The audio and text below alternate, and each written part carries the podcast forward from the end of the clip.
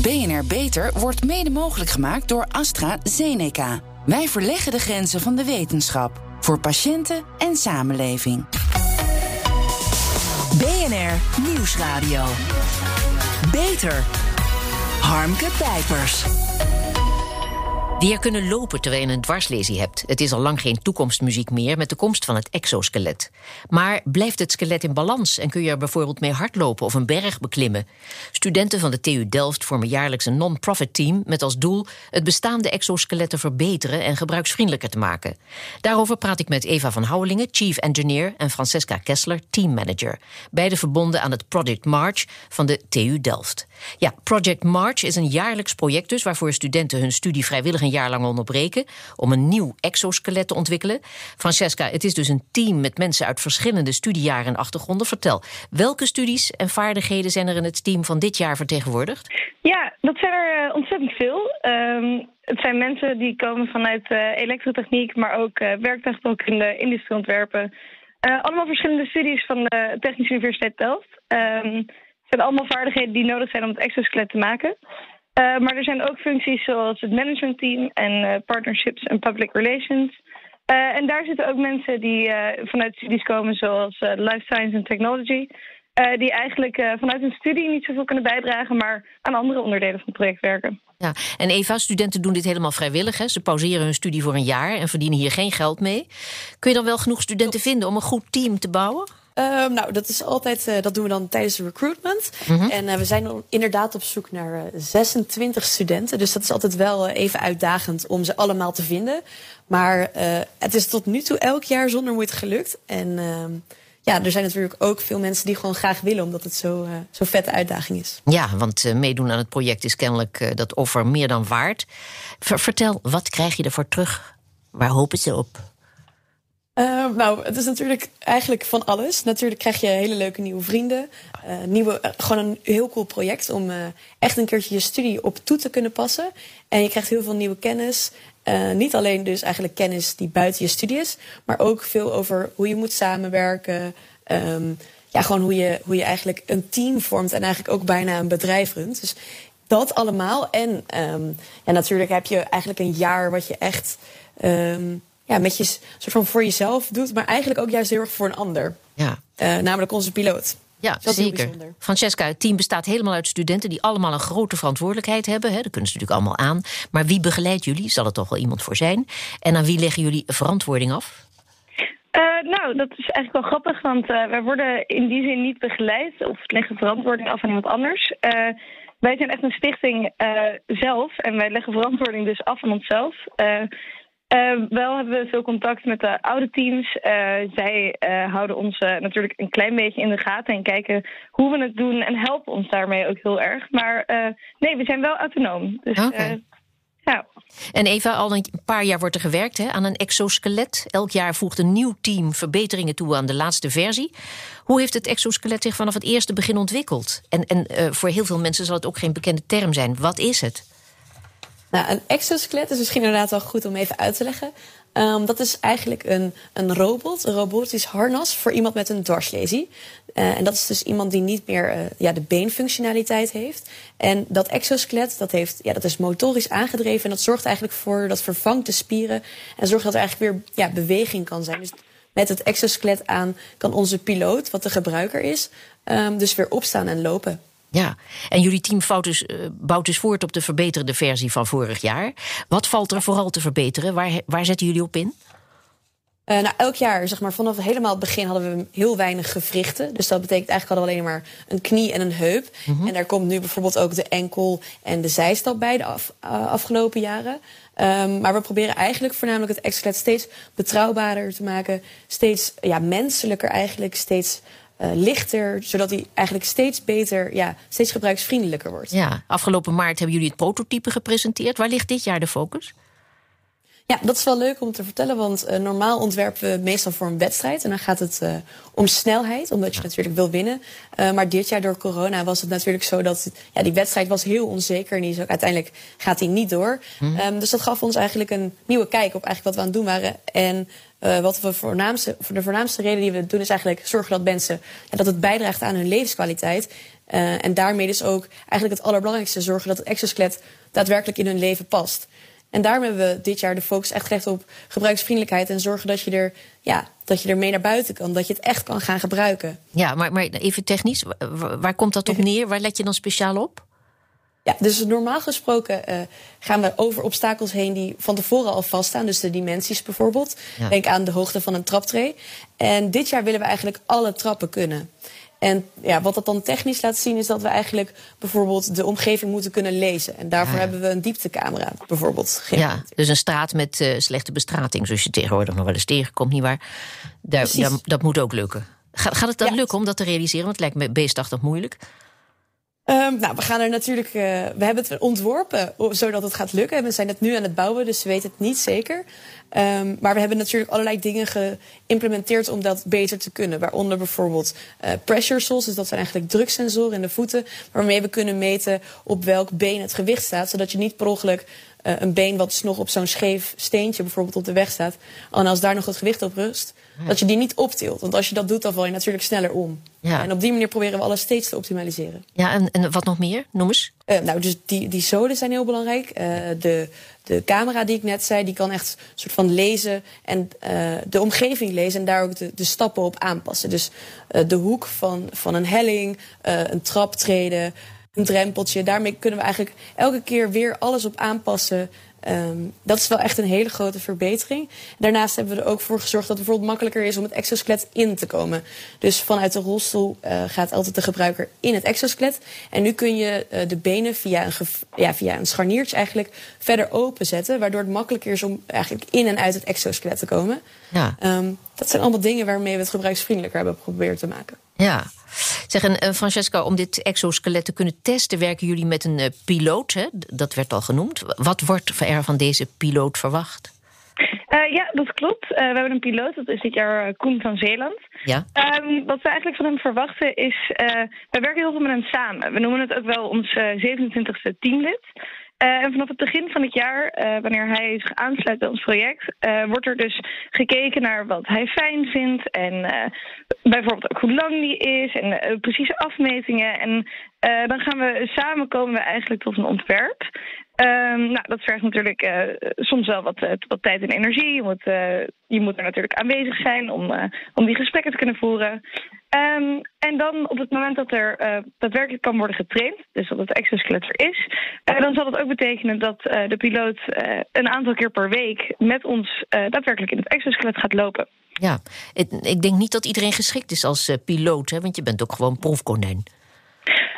Dat klopt. Eh, dat klopt. En dat komt ook wel gedeeltelijk omdat eh, er natuurlijk nog heel veel te behalen valt in de exoskelet technologie. Ja. Eh, wij lopen bijvoorbeeld nog met krukken. Nou, dat betekent, ja, we hebben geen balans, dus er moeten krukken zijn om, zodat de piloot zichzelf kan ondersteunen. En het is daardoor erg belangrijk dat de, dat de piloot heel sterk is in het bovenlichaam. Ehm, want anders dan kan hij zichzelf niet in balans houden. Ja. Ehm, Ja. En, en Eva, kan de piloot eh, nou volledig op het skelet vertrouwen? Kan hij, en kan hij het ook echt zelf besturen? Ja, dus in principe eh, heeft de, de piloot heeft zelf de controle over het exoskelet. Eh, dat doet hij via een, ja, eigenlijk een afstandsbediening, dat noemen we het input device. En dat zit in een van de krukken, dus dicht bij de hand. En daarin kan hij gewoon eigenlijk selecteren van ik wil nu lopen. Ik wil nu een trap op. Dus hij bepaalt wel echt helemaal zelf wat hij gaat doen. Ehm, maar tijdens training is het natuurlijk wel zo dat we voor de veiligheid eh, altijd eh, ja, een computer erbij hebben. Die, dat is dan een monitor en daarop zien we eigenlijk als het fout gaat. Ehm, en, eh, maar eigenlijk is die, ja, bestuurt hij hem eigenlijk helemaal autonoom. Vandaar ook de naam piloot. Ja, maar zeg eens eerlijk, hoe groot is het risico dat de piloot valt? Of dat het exoskelet op hol slaat, om er iets vreselijks te noemen? Pleister en kusje erop? Ehm, nou, de kans dat het exoskelet op hol slaat, dat bestaat eigenlijk niet. Want we ontwerpen elke keer vanuit eigenlijk veiligheid. Oh. Dus ehm, mocht er echt iets misgaan, dan ja, bevriest het exoskelet eigenlijk. Dus dan beweegt hij gewoon niet meer. En dan kunnen we hem bijvoorbeeld langzaam naar de grond brengen. Ehm, er zijn inderdaad trainingen waarbij het in één keer helemaal goed gaat, alles. Eh, maar in het begin zeker zullen natuurlijk nog dingen... Ja, niet helemaal lukken. En ja, dan komt er dus een error. En zo'n error betekent niet dat alles opeens allerlei kanten op vliegt. Dat betekent gewoon dat het exoskelet of gewoon stopt met bewegen... of heel langzaam in elkaar zakt. Ja, En ja, dat is gewoon eigenlijk gewoon heel veilig voor de piloot. ja. Zeg, en, en wordt zo'n ex exoskelet volledig op maat gemaakt? Of maken jullie een prototype zodat ook andere mensen er gebruik van kunnen maken? Um, op dit moment wordt het helemaal op maat gemaakt. Ja? Dus uh, het is helemaal gevormd zelfs naar het lichaam van Koen. Uh, en ook de maten. Uh, en dat doen we eigenlijk omdat we daarmee ja, een deel van de focus willen leggen, maar ook het nog beter kunnen optimaliseren. Dus de, de, de gewrichten zitten precies waar jouw kniegewrichten zitten. Um, of jouw, eigenlijk dus die van Koen alleen maar. Um, en in de toekomst is het inderdaad ook heel handig om te kijken uh, ja, of er bijvoorbeeld verschillende maten van exoskeletten kunnen komen. Een soort van een grote en een kleine, bijvoorbeeld dat er meer mensen uh, in passen. Maar omdat we er maar eentje maken, kunnen we maar beter gewoon voor één maat dit doen. Harmke Pijpers. Zware vrachten tillen, heel lang staand werk doen, boven je macht werken, allemaal niet goed voor het lijf met als mogelijk gevolg klachten en uitval. Maar ze zijn allemaal te voorkomen met het exoskelet. Daar zullen we in de toekomst nog zeker veel meer van horen. Voor studenten van Project March, het zesde Project March van de TU Delft, ligt de focus op de ontwikkeling van een exoskelet dat mensen met een dwarslesie hun zelfstandigheid teruggeeft. Daarover praat ik verder met Eva van Houwelingen en Francesca Kessler. Beide verbonden aan het Project March dus van de TU Delft. Francesca. Kan zo'n exoskelet op den duur de rolstoel helemaal gaan vervangen? Nee, dat is eigenlijk niet waar wij hem uh, voor bouwen. Uh, mensen met een dwarslesie die in een rolstoel zitten, kunnen namelijk ontzettend veel met een rolstoel. Um, eigenlijk waar wij, uh, waar wij dit vooral voor doen, is om hen uh, de mogelijkheid te geven om te kunnen kiezen. Um, de mogelijkheid om te kiezen of je rolt naar je bestemming of dat je dat lopend doet. Ja. En daarnaast is het ook nog heel goed voor de gezondheid uh, van de piloten. Uh, je kunt je voorstellen dat staan en lopen uh, beweging gewoon ontzettend veel voordelen heeft. zowel mentaal als fysiek. Um, en daardoor is het nog steeds heel belangrijk dat, dat het exoskelet wel wordt, wordt gebouwd en wordt gebruikt. ondanks dat het niet de rolstoel gaat vervangen. Ja, er kan dus een heleboel niet in een rolstoel, wat met een exoskelet wel kan. Uh, ja. ja. En het heeft, dat noemde je al, ongelooflijk veel gezondheidsvoordelen. Hè? Dat je toch je lichaam een beetje in stand houdt. Er kan dus heel veel. Eva, is het realistisch om te verwachten bijvoorbeeld dat iemand met een dwarslesie over een aantal jaren een stevige sportieve prestatie uh, levert? Uh, wat zullen we verzinnen? Horde lopen gaat met ver. Een marathon lopen? rennen? Um, in principe is het lopen in exoskelet nu al best wel een sportieve ja, Prestatie. Het is bijna een workout, omdat je dus echt best wel je armen nog moet gebruiken voor balans. Dus in die zin zijn we er al. Maar als je inderdaad gaat kijken, uh, zijn we nu bezig met dus de trap, de helling. Um, maar ja, voor robots is het natuurlijk, wordt het best wel moeilijk om dingen als springen, sprinten uh, of springen. Dat ja. maakt eigenlijk niet zoveel uit. Dat zijn best wel nog wat, wat uitdagingen. En daarvoor is dus die balans ook heel belangrijk. Um, dus ik denk dat we nog wel wat jaartjes hebben, maar uh, als je kijkt naar hoe snel we ons nu al, aan, nu het groeien zijn en steeds meer kennis aan het vergaren, uh, denk ik dat het zeker in de, in de verre toekomst mogelijk is. Ja, maar goed, dat zijn natuurlijk allemaal uh, exceptionele dingen. Maar wat belangrijk is, mij lijkt dat tenminste, is de mogelijkheid voor mensen die dit al lang niet meer gewend zijn om zelfstandig dingen te doen en om deel te nemen aan de maatschappij op pad te kunnen zonder dat je voortdurend moet worden geholpen. Hè? En over de gezondheidswinst uh, hadden we het al. Dus uh, verzekeraars, maar ook commerciële aanbieders, die hebben hier veel belangstelling uh, voor om jullie, met jullie samen te werken en financieel bij te dragen. Vertel. Ja, nou ja, er zijn natuurlijk heel veel partijen die, die heel erg geïnteresseerd zijn om ons te helpen. sowieso het feit dat wij gewoon een persoon met een dwarslesie um, natuurlijk willen helpen, zorgt ervoor dat er heel veel bedrijven zijn en partijen zijn die, die daar interesse in hebben. Maar uh, we zijn natuurlijk ook uh, heel veel aan het innoveren. En dat ja. vinden de technische bedrijven ook heel interessant. Ja. Dus ja. uh, we krijgen heel veel bijdragen. Ja, maar goed, de focus ligt op ontwikkeling, niet op de commerciële kant. Maar zo'n exoskelet ja. is duur. Ongeveer een ton, hè? nou, het is onduidelijk hoe duur een exoskelet is. Oh, weet niet wij... weten. Wij bouwen ons exoskelet uh, namelijk met de hulp van heel veel consultancypartners, uh, in-kind partners en financiële bijdragen. Dus het is heel moeilijk om te zeggen hoe duur ons exoskelet nou daadwerkelijk is. Um, ja, dat is het eigenlijk, ja. Ja, goed. Nou, levert het project jullie sponsors ook nog wat op?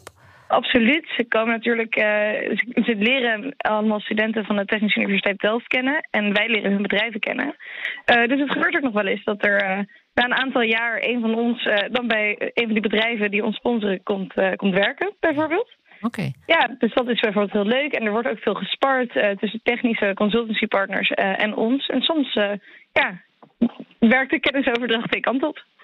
Ja, Eva, de, de focus ligt nu eh, op mensen die een dwarslesie hebben. Hè? Maar is, is deze techniek ook voor andere ziekten en afwijkingen in te zetten? Bij veroudering, ik noem maar wat, allerlei ongemak?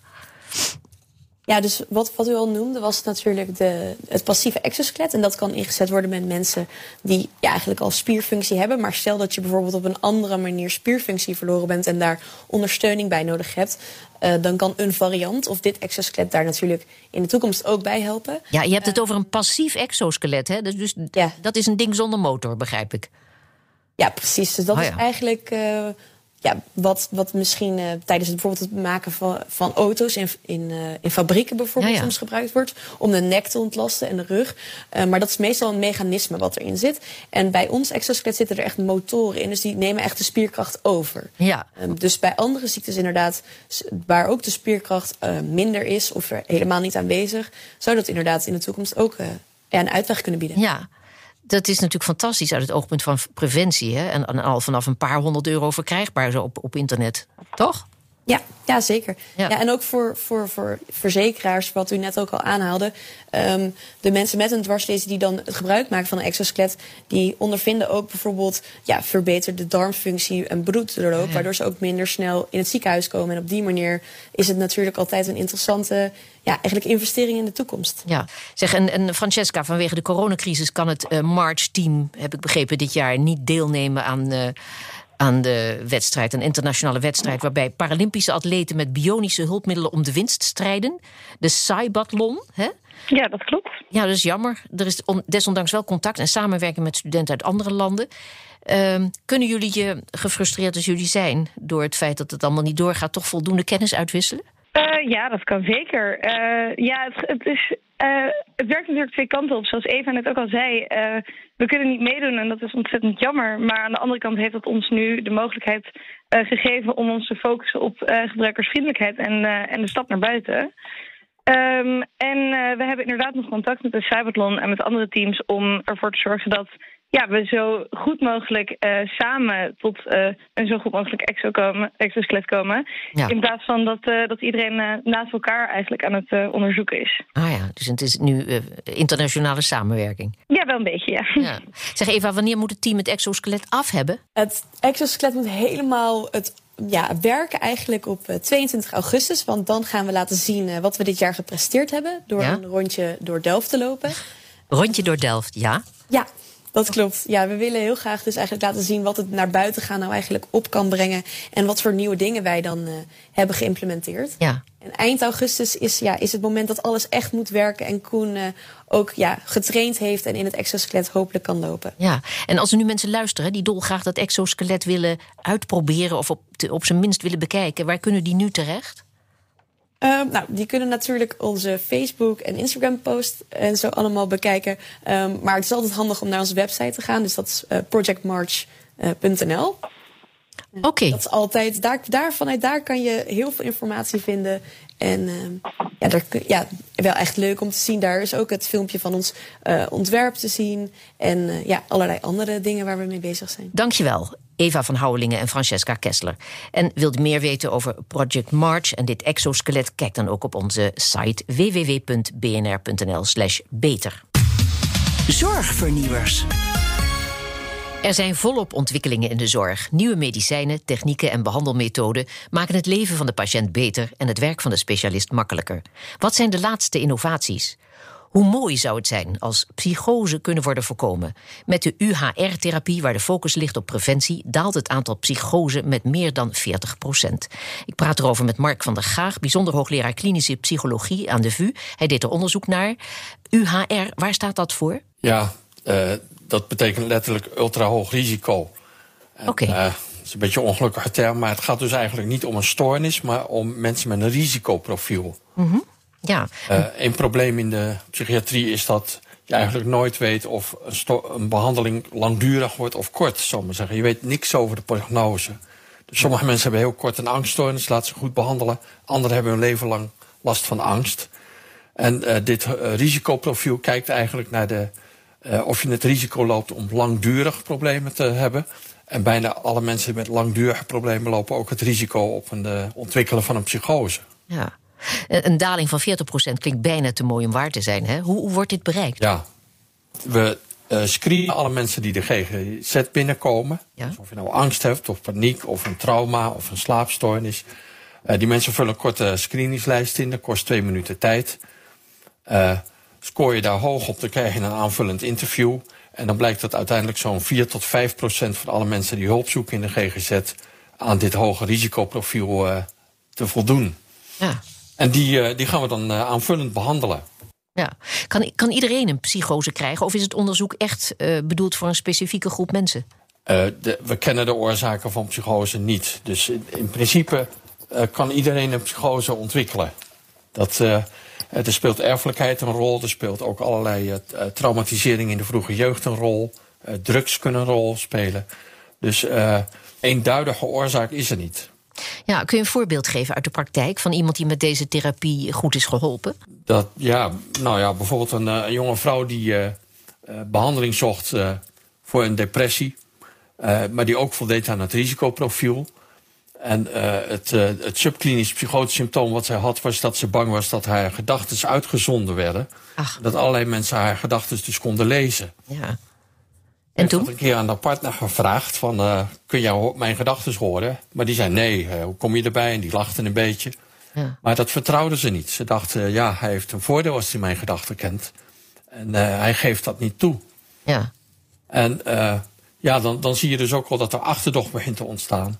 En het, het symptoom, het, de gedachteuitzending is een klassiek symptoom van, van schizofrenie. En hoe zijn ja. geholpen? Hoe zijn op andere gedachten gekomen? Ja, de, de behandeling bestaat uit voorlichting. Ja. Maar ook uit het uitproberen, het uittesten in de werkelijkheid van uh, of, of juist is wat ze verwacht of niet. Dus in haar geval, ze ging naar de verjaardag van haar moeder. En toen hebben we met, met elkaar afgesproken dat ze op die verjaardag allerlei nare gedachten zou gaan uitzenden.